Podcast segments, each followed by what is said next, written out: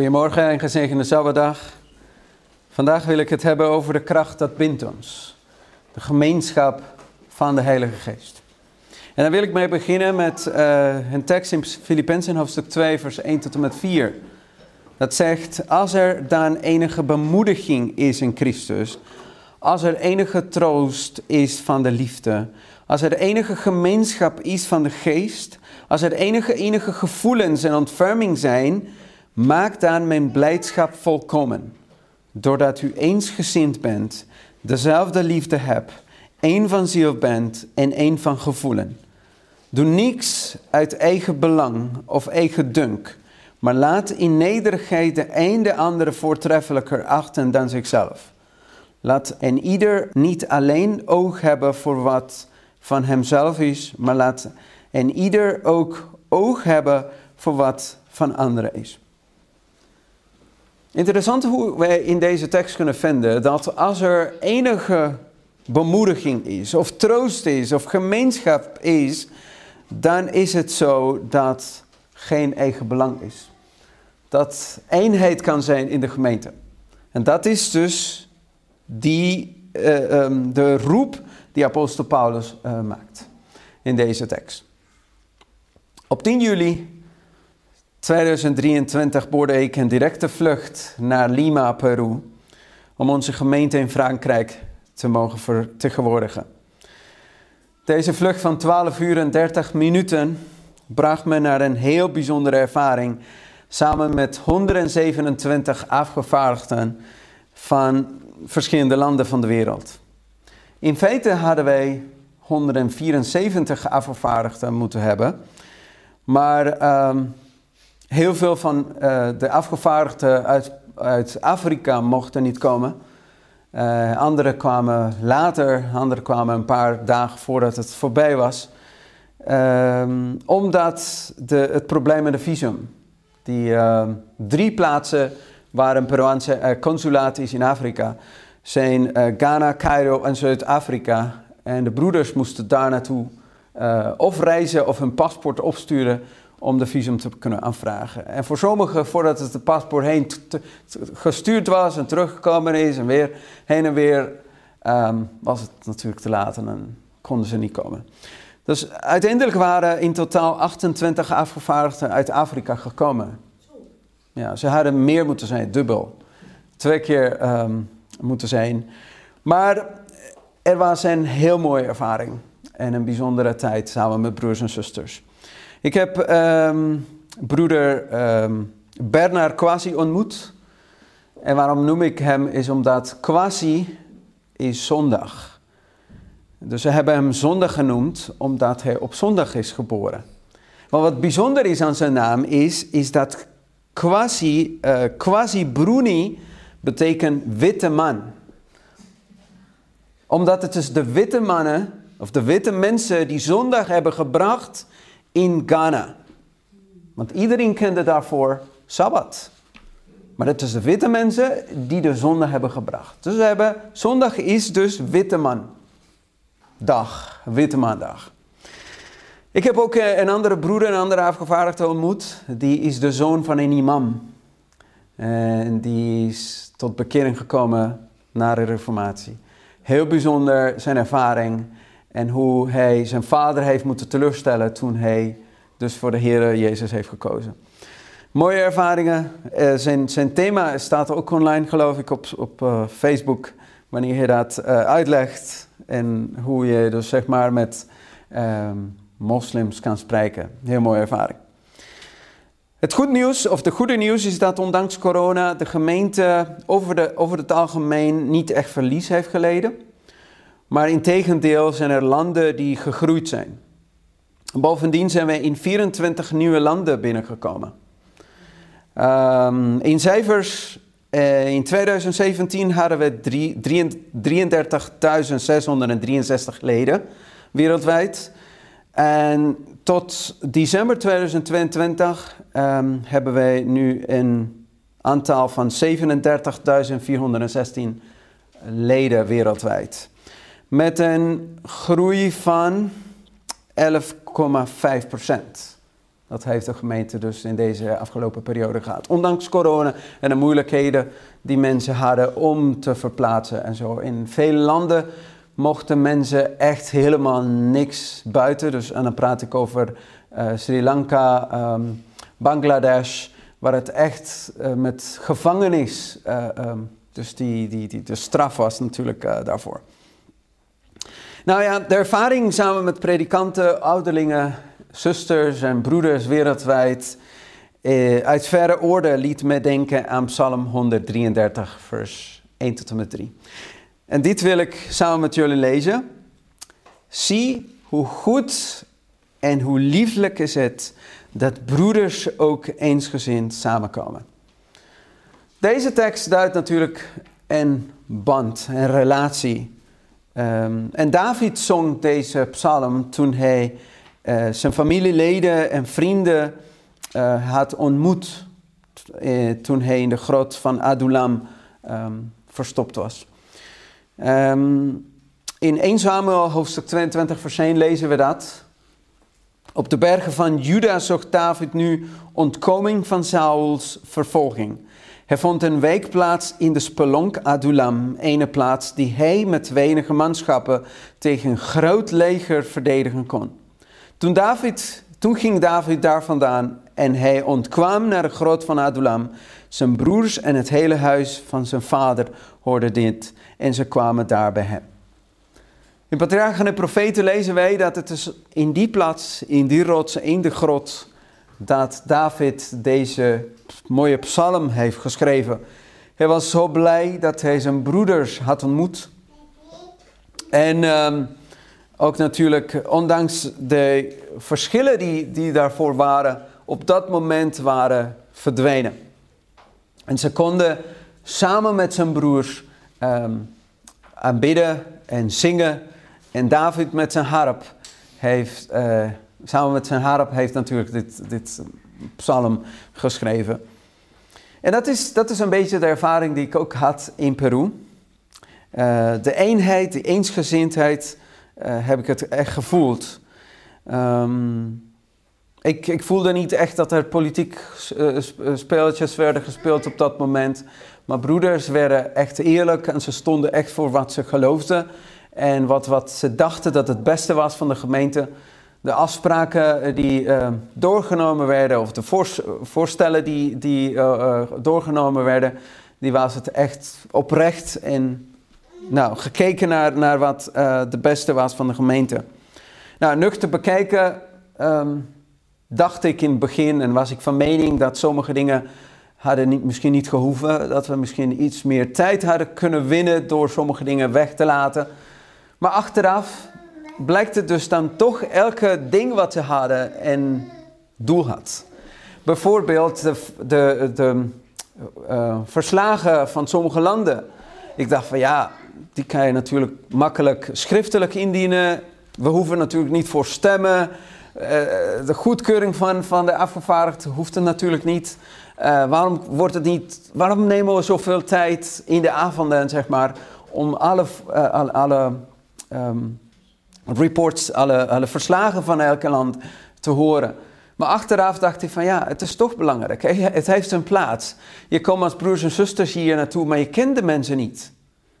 En het enige moment om de mensen te leren kennen is als ze daarvoor staan en ze spreken en ze vertellen over wat, wat ze meemaken in hun landen, welke behoeften ze hebben en welke vragen ze hebben voor, de, voor, de, voor de alle afgevaardigden. En er was, er was ja, bijna ieder afgevaardigde had als verzoek, we hebben arbeiders nodig. Alsjeblieft, help ons, omdat wij ja, dat, werk is te groot. En dan dacht ik aan de woorden van Jezus, dat, dat de akker te groot is, dat het werk te groot is en de arbeiders zo weinig uh, zijn. Toen dacht ik van mezelf, ja, we hebben het eigenlijk goed hier in Nederland. Als ik het zo hoort, hoe, hoe moeilijk het is voor sommige broeders om, om, zeg maar, om, om, om te kunnen werken. Um, de reis naar de openbare conferentie was bijzonder. Um, zoveel afgevaardigden in één vlucht. Uh, zo mooi. Weet je, dus uh, zo bijzonder. We hadden, als, het, als het hen had gelukt, waren wij als het soort van in een charter, in, een, in éénzelfde vliegtuig van Lima naar Cajamarca kunnen reizen. Maar het is uiteindelijk niet gelukt. Andere mensen hadden eerder geboekt. Sommige broeders van Curaçao hadden eerder geboekt. Dus van, vanwege hun mochten wij niet allemaal zeg maar, in diezelfde vlucht. Maar ook natuurlijk andere mensen uit Chile. En, dus het was zo bijzonder dat je in de vlucht, de vlucht binnenkomt, binnenrijdt. Niet, eens, niet alleen afgevaardigden, maar ook broeders uit andere landen. Die van, hey, hoe is het? Zo fijn dat wij alle, met z'n allen zeg maar, naar um, uh, Cajamarca uh, reisden. In de luchthaven zag je mensen zitten overal, uh, beginnen te groeten. Het lijkt alsof je de hele luchthaven kende. Uh, bijzonder, bijzonder. Alhoewel de entree voor 8000 mensen was verkocht online en stond het op de website dat er, geen, dat er niks meer was, kwamen er maar 6245 mensen op Sabbat, inclusief kinderen. Dat is dus de cijfers van de zuster die, um, de entree die, die, die in de ingang stonden. 6245 mensen waren in de, in de hele um, plaats. Vandaar dat je zag in de, in de livestreaming dat er sommige lege plaatsen waren. Waarom ze niet kwamen, weten we niet.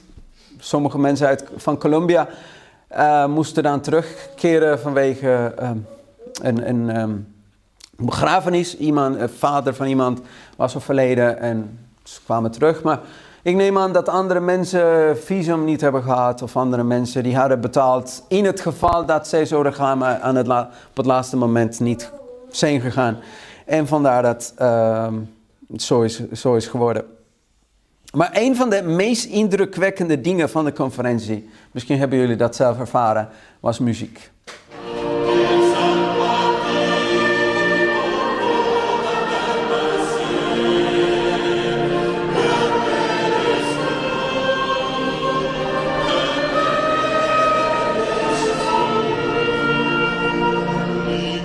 In Italië was het denk ik mooier in de zin dat wij in éénzelfde plek waren.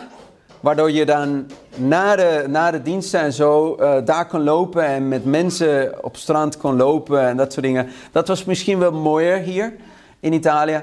Maar daar muziek, de koren, echt zo buitenaards. Echt geweldig. Uh,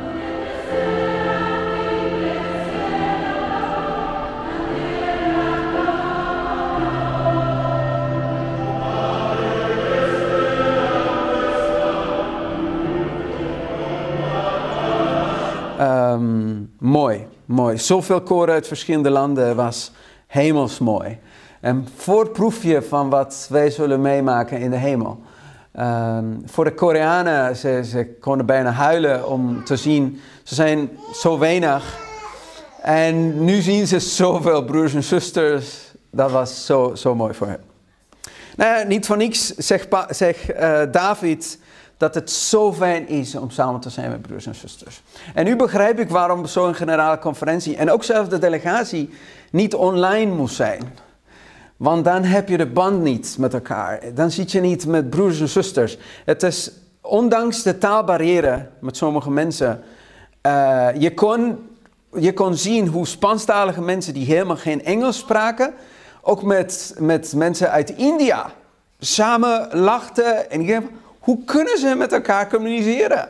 Ik bedoel, het is, het is zo moeilijk. De mensen kunnen nauwelijks Engels. Uh, de mensen uit India of uh, Bangladesh, ik kon die broeder echt niet begrijpen. Hij, hij, sprak Engels, maar ik dacht van, ik kan hem niet begrijpen. Wat, wat zegt hij daar nou?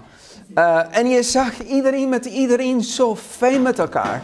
Verschillen die er waren, of dingen wat je misschien opbouwt door de jaren heen. We denken van ja, ze ondersteunen me niet of wat dan ook. Het is ineens verdwenen. Er, het lijkt alsof er helemaal niks is. En dan mensen uit zo verre landen, waar je misschien no nooit, nooit eerder had gekend. Bijvoorbeeld uh, uit um, uh, Vietnam. Weet je, waar, waar wij dus nu gemeenten hebben. Uh, en landen eromheen. Dan, dan denk je van, wauw, het lijkt alsof je de mensen zo lang kent. Terwijl zij met andere cultuur hebben en, en andere tradities en andere dingen.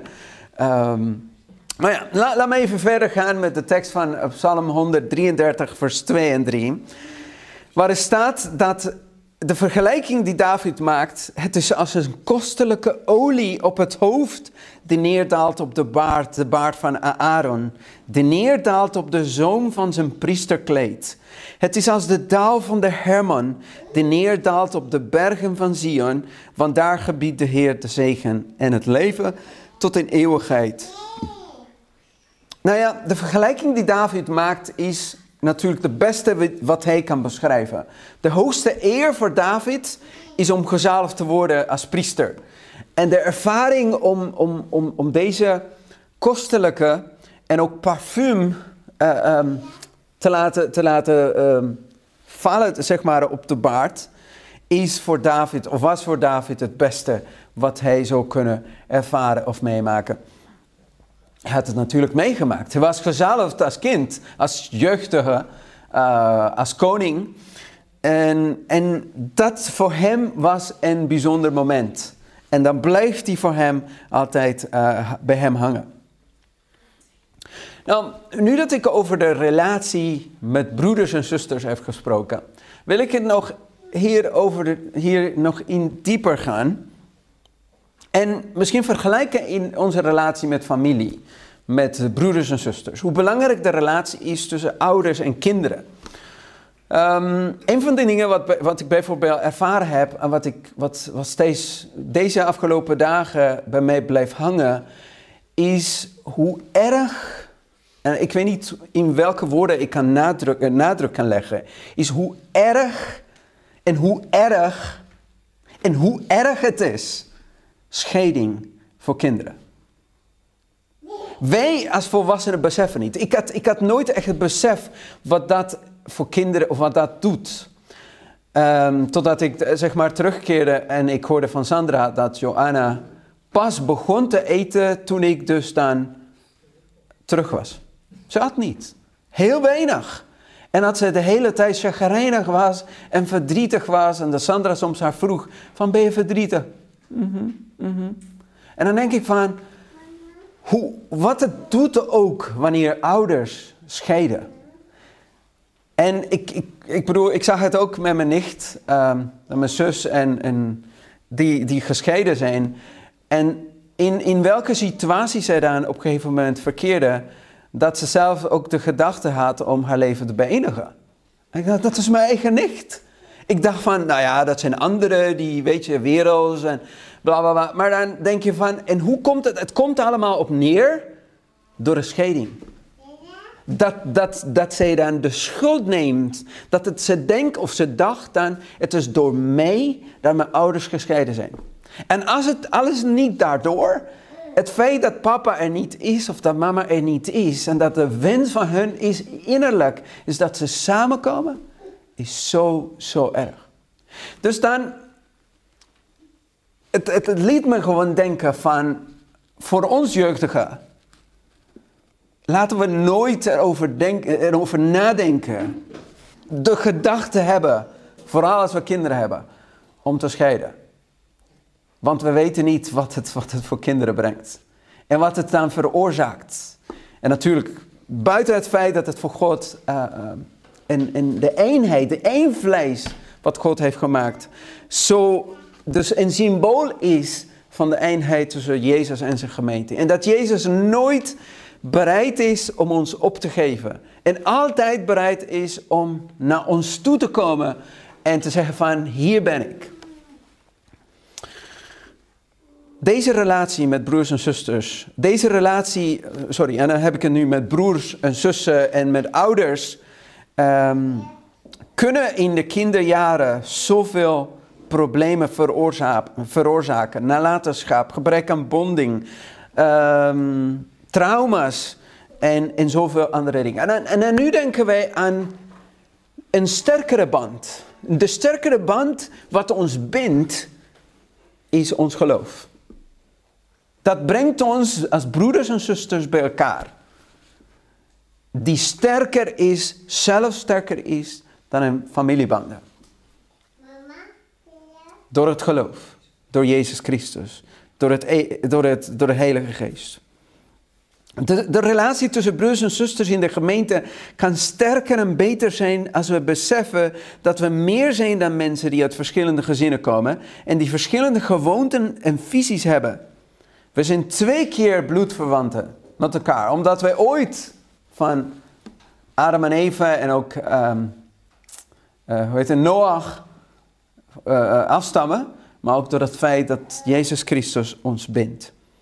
In verschillende teksten van, van uh, Paulus, Efeziërs en, en, en die, die spreken over de eenheid, de liefde die tussen ons dient te zijn. De vergelijking die Paulus maakt met een lichaam, dat ieder van ons noodzakelijk is. De kleine, de grote, mijn nagels, mijn vingers, haar is zo belangrijk. We denken, ja, wat is het haar? Ja, maar als je het niet hebt, dan begin je te denken van, oeh, het is niet meer mooi. Maar het is het haar. Wat is het haar daar nou voor het, voor het lichaam? Ja, ja dan, dan ga je beseffen dat, hoe, hoe belangrijk dat is als je met de muts moet, moet rondlopen, omdat het anders te koud is. Uh, en dat is dus precies hetzelfde in de gemeente.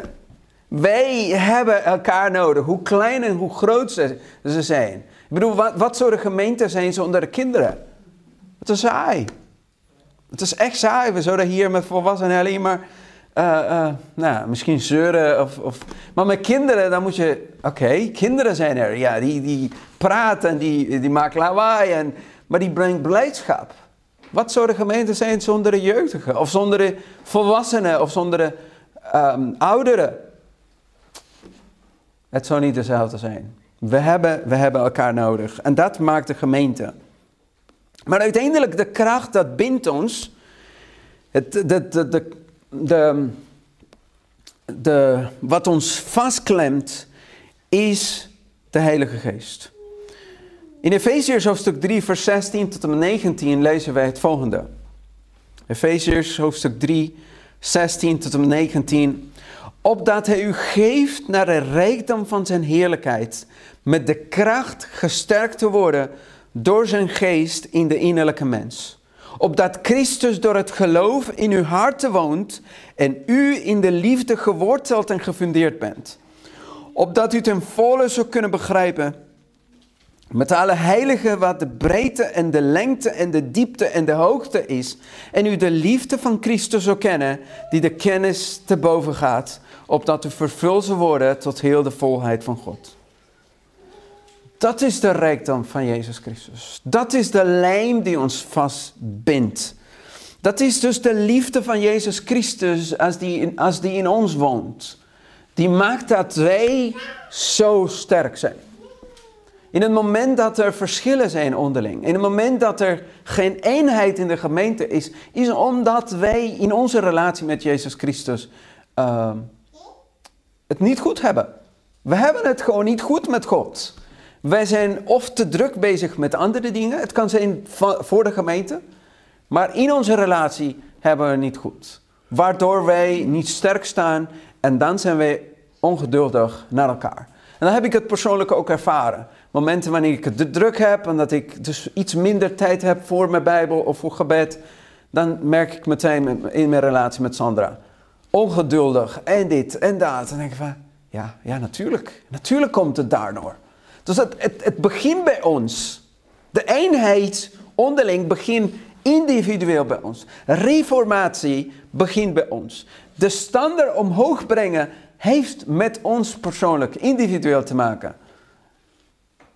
En dat is dus wat wij uh, moeten streven. Dat wij de liefde van God, het fundament van ons geloof, um, zo kunnen zijn. Um, en ik denk ook nu in deze ervaring in Peru en ook hier in de gemeente, denk ik dat het goed is om aan te halen een van de adviezen van de apostel Paulus in Hebreeën hoofdstuk 10 vers 25. Misschien kennen jullie dat, Hebreeën hoofdstuk 10 vers 25.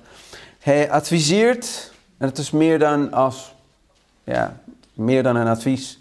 En een sterker advies, zoals we dan gewend waren in de tijd van corona. Een sterker advies was het bijna een verplichting. Um, om de gemeente niet te verzuimen. Paulus zegt, laten we de onderlinge bijeenkomsten niet nalaten zoals het bij sommigen de gewoonte is. Maar elkaar aansporen en dat zoveel te meer als u de grote dag ziet naderen. Een geïnteresseerde zei me eh, op een keer, ja maar waarom ga ik naar de gemeente? Ik, ik kan daar niks leren. Ik bedoel van, ja, ik moet naar die preken horen, naar die broeder. Ik leer helemaal niks van. En de lessen? Nee, ik, ik leer helemaal niks. Ik, ik blijf liever thuis. En dan leer ik zelf. En dan kan ik meer leren dan dat als ik naar de gemeente ga. En ik zei van, maar je komt niet naar de gemeente alleen om te leren. Het is, behalve het feit dat, dat wij iets kunnen leren en, en dat we open moeten zijn om iets te leren, want zeker hebben we iets te leren van ook de kleinste en de eenvoudigste die hier staat. Maar het feit dat wij ook een zegen voor andere mensen kunnen zijn. Maar ook voor zo'n persoon die me dat zei, is juist een, een, bijna een plicht om te komen. Want zijn houding zou in de gemeente juist veranderd kunnen worden. Het karakter van ons wordt hier in de gemeente veranderd. Wanneer we met elkaar moeten zijn. En dat, samen, samen zijn. Net als wat ik zei in Peru. Ik dacht van ja, ik bedoel voor een vergadering, voor zo'n conferentie in het moment van corona of zo. Je kan het prima doen online. Maar het is echt niet hetzelfde. Het is absoluut niet hetzelfde. Als je met broers en zusters daar bent, het is, het is zo bijzonder. En daarvoor uh, um, vraagt de Heer door Paulus om de gemeente niet te verzuimen. Het, het kan niks belangrijker zijn dan de gemeente. Het kan niks belangrijker zijn dan een conferentie. Niet, niet omdat jullie zeg maar niet zijn geweest of zo, maar het pure uit het feit dat conferenties is juist dus een moment wanneer de Heilige Geest op de gemeente kan storten. Het is op conferenties dat het beloofd staat dat Gods geest zal, zal uitgestort worden. En de ervaringen die we hebben is geweldig. Een van de dingen wat mijn ouders deden is, onze vakantie, toen ik, toen ik, uh, toen ik uh, jong was, waren altijd op conferenties. Ik kan me niet herinneren, misschien één keer zijn we met vakantie geweest met mijn ouders. Maar we misten nooit een conferentie. En daarvoor dank ik mijn ouders. Want daarvoor sta ik hier. Want mijn vriendschappen en mijn herinneringen zijn altijd met God, met broeders en zusters, met zang, met koren, met, met nou, alles was daarmee bedoeld. Dus mijn geestelijke leven, mijn geestelijk leven was zoveel gesterkt. In tegenstelling met mijn vrienden, die uh, hun ouders dachten van ja, nee, maar dit is belangrijk en dat is belangrijk. Ik zie ze niet meer in de gemeente. Hun, hun leven bestond uit andere dingen. Terwijl mijn leven bestond uit gemeente, broeders, God, Bijbel, zingen. En daarmee ben ik grootgebracht. En daar, voor, daar ben ik zo dankbaar voor. Um, omdat dit echt het moment is, of deze dingen, gemeenschap met elkaar. En daarom heb ik uh, deze thema dan zo gehouden. Gemeenschap met elkaar en van de Heilige Geest maakt ons zo sterk. Meer dan 400 jaar geleden vertrok een kleine groep mensen vanuit Engeland op zoek naar godsdienst, vrijheid en een beter leven. De pelgrims waren een klein groep Engelse separatisten die op zoek waren naar een nieuw land waar ze hun geloof konden beleiden zonder vervolgd te worden. Nadat ze geconfronteerd werden met religieuze vervolging in Engeland, vertrokken zij in 1620 aan boord van de Mayflower. Tijdens hun reis kwamen ze veel ontberingen tegen, zoals stormen, ziekte en ijzige kou. Ondanks deze uitdaging kwamen de pelgrims in november 1620 aan op hun bestemming, de Plymouth Colony in het huidige Massachusetts. De pelgrims hadden het moeilijk om zich in hun nieuwe thuis te vestigen. Velen stierven tijdens de eerste strenge winter door ziekte en ondervoeding en de overlevenden moesten voor zichzelf zorgen. Gelukkig konden de pelgrims met de hulp van de vriendelijke indianen leren hoe ze gewassen moesten verbouwen en jagen. En uiteindelijk overleefde de kolonie. Thanksgiving is een feestdag die de succesvolle oogst van de pelgrims in 1621 herdenkt. Deze oogst werd mogelijk gemaakt door de hulp van de Wampanoag-stam die de pelgrims leerde hoe ze mais, bonen en pompoen moesten verbouwen. Om die te vieren deelden de pelgrims en de indianen een feest dat een symbool van vriendschap en vrede tussen de twee culturen is geworden. Bijzonder. Thanksgiving is dus dat als herinnering daarvan. In de Bijbel hebben we ook zoiets. Geen Thanksgiving, maar wel dat moment van samen zijn. En daarvoor waren drie verschillende feestdagen die het volk van Israël had, waarnaar zij zo graag verlangden. Dat is een feest van ongezuurde broden, volgens Exodus hoofdstuk 23, vers 14 tot en met 17. De feest van de oogsten, of uh, uh, Pinkster. En het feest van inzameling. En dat is de laatste voor uh, Loofhuttenfeest. Nee, sorry, voor uh, Yom Kippur en Loofhuttenfeest. Dus daar dat waren de drie verschillende momenten wanneer ze naar, naar Jeruzalem moesten gaan. Maar het bijzondere van deze feestdagen was dat deze feestdagen samen gingen met de reis daar naartoe. Dus samen reizen naar Jeruzalem om te offeren en om te danken en om Thanksgiving, om een soort van, van, van feest met elkaar te mogen hebben in Jeruzalem, maakte dus de ervaring heel bijzonder.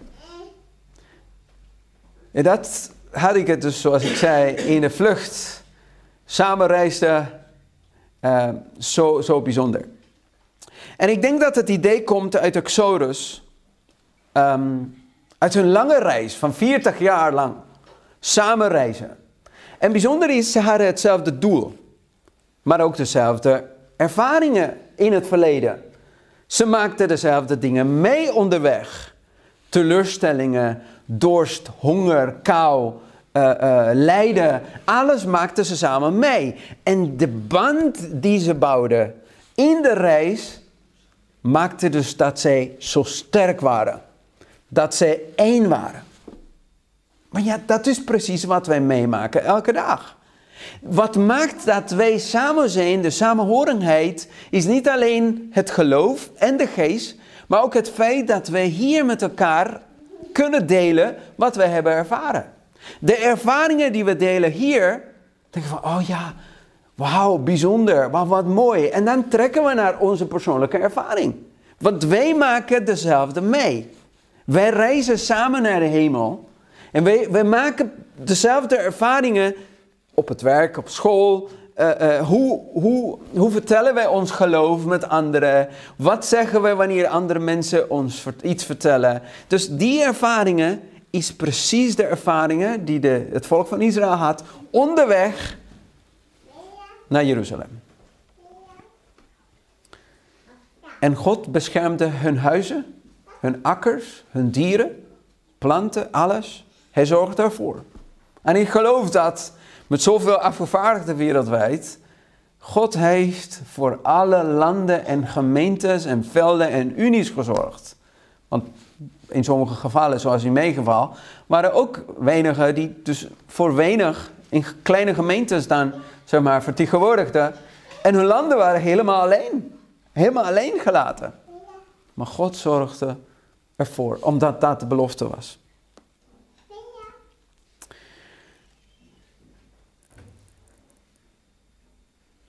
Er is, er is een reis die. Um, de Bijbel vertelt ons over een reis naar Jeruzalem toe en terug.